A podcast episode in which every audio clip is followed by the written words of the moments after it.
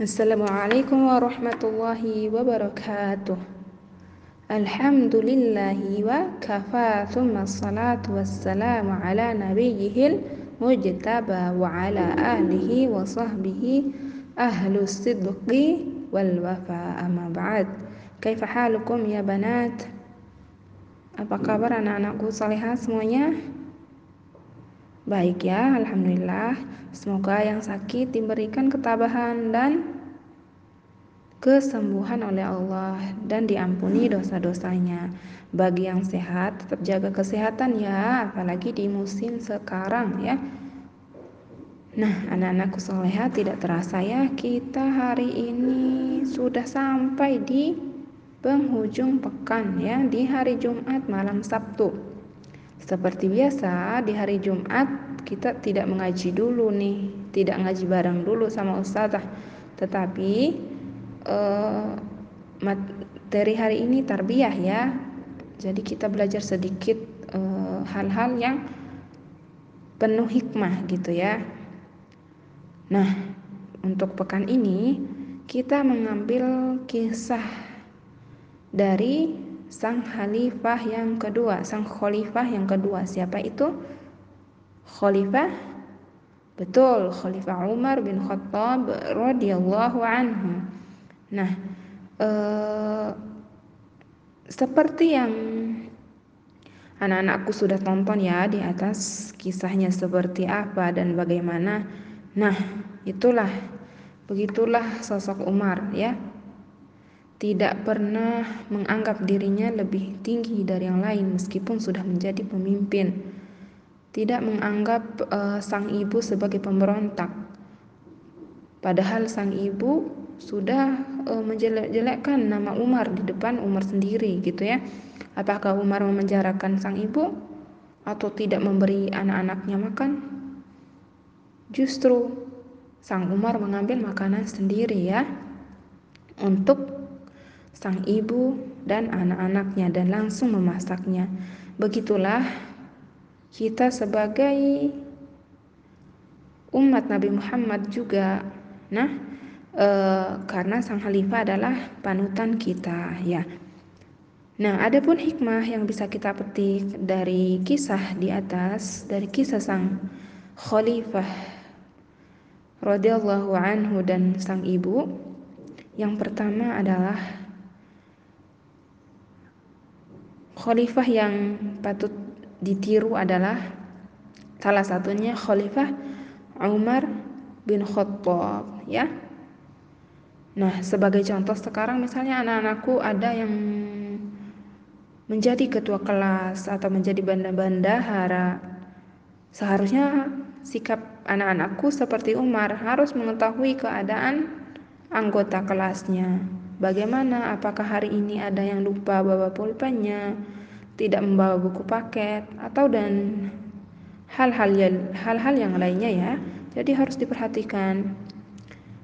Nah, yang kedua adalah sebagai seorang muslim kita harus ikut sedih ketika saudara seiman kita sedih karena saudara seiman itu seperti jasad ya, seperti badan kita jika ada mata yang sakit, maka tangan otomatis menyentuhnya. Jika ada ingus, maaf, yang keluar, oh tangan e, mengeluarkannya. Begitulah orang-orang yang beriman juga, begitulah orang muslim juga.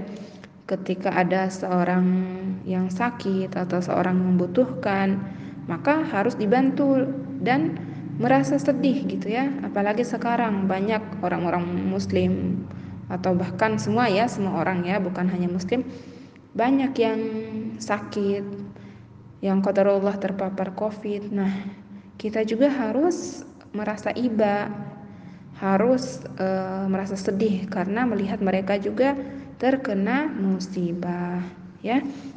Nah poin berikutnya yang bisa kita petik dari kisah di atas adalah sabar. Dari mana kita bisa ambil uh, hikmah sabar? Betul, dari sang ibu yang mengajari anaknya tentang kesabaran.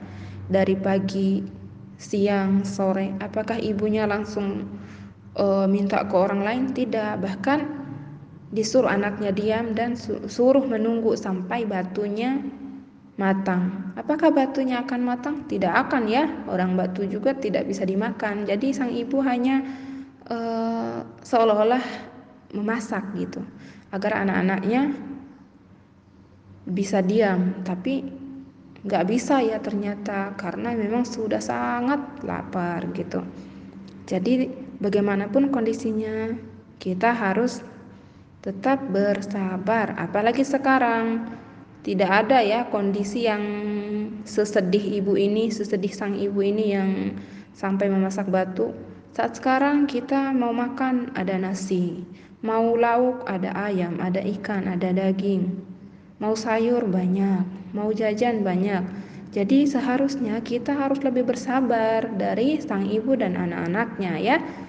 Nah, berikutnya adalah hikmah yang bisa kita petik adalah harus mencontohi Umar ketika membantu atau ketika memimpin. Ya. Berikutnya sebagai sang pemimpin, sebagai seorang pemimpin harus bertanggung jawab. Misalnya eh, Almira memimpin dirinya sendiri berarti harus tanggung jawab. Apa tanggung jawabnya? Membersihkan kamarnya sendiri, mencuci piringnya sendiri. Nah, itu tanggung jawab buat dirinya. Ketika Almira menjadi ketua kelas, apa tanggung jawabnya? Memperhatikan anggota kelas, memastikan semuanya baik-baik saja, memastikan apakah ada yang membutuhkan sesuatu atau tidak. Nah, begitu ya. Begitu juga sang pemimpin memperhatikan rakyatnya, apakah rakyatnya sejahtera atau sebaliknya. Apakah rakyatnya membutuhkan sesuatu atau dan lain-lainnya ya. Harus seperti Umar radhiyallahu anhu Nah, berikutnya adalah tidak segan untuk meminta maaf.